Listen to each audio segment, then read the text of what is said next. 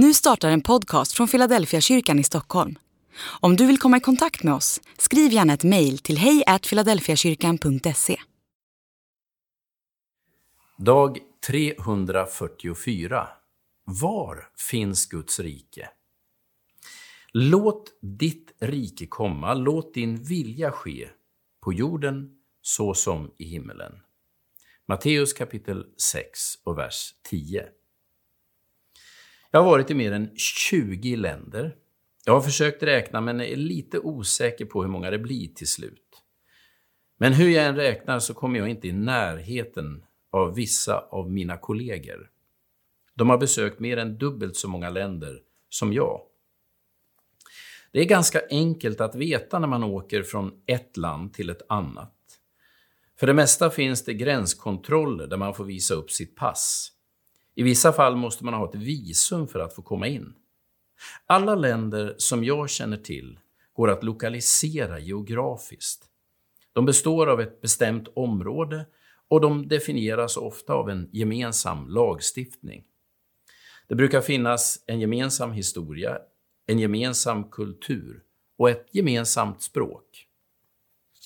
Hur är det med Guds rike? Den frågan ställde fariseerna till Jesus i Lukas kapitel 17.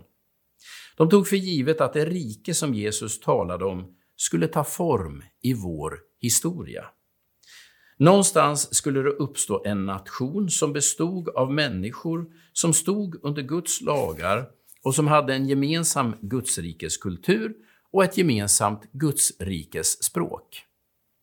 Men Jesus svarar att Guds rike inte kommer att ta form i vår politiska historia.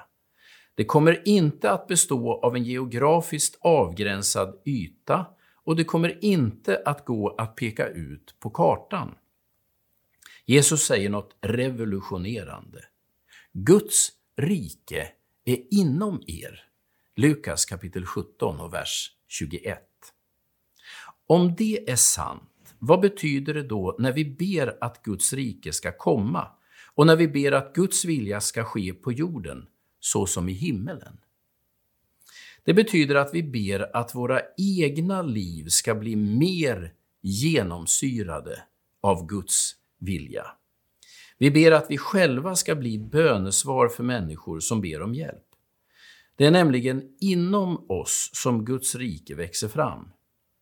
När du ber att Guds rike ska komma så ber du egentligen att du själv ska bli en bättre ambassadör för Guds vilja i den här världen.